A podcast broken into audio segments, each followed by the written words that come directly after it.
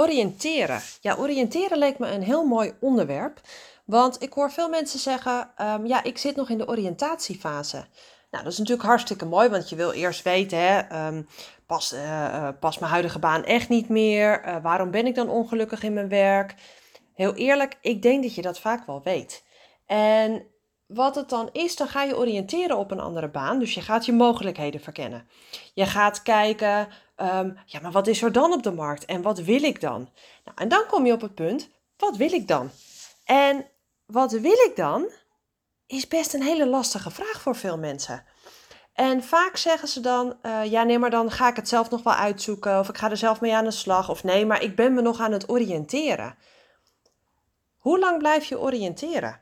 En wat is oriënteren? Of zou oriënteren ook een excuus kunnen zijn om nu toch niet die volgende stap te gaan zetten? Want laten we eerlijk zijn, een volgende stap kan soms ook heel spannend zijn. Hè? Um, want je weet dat er wat gaat veranderen. Uh, je weet dat je in beweging moet komen. Um, je weet wat je nu hebt. Je weet niet wat je ervoor terugkrijgt. Dat is best wel spannend. Maar door te zeggen dat je aan het oriënteren bent, blijf je ook wel lekker in de oriëntatiefase zitten. Dus aan jou de vraag: wat is dan voor jou die stok achter de deur om wel die stap te gaan zetten? Om ervoor te gaan zorgen dat je het gaat doen. Dat je daadwerkelijk voor jouw geluk gaat kiezen. Dat je uit, echt uit gaat zoeken wat je wilt.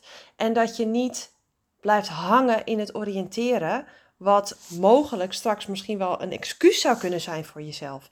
Want waar sta je dan over een jaar? Waar sta je over twee jaar?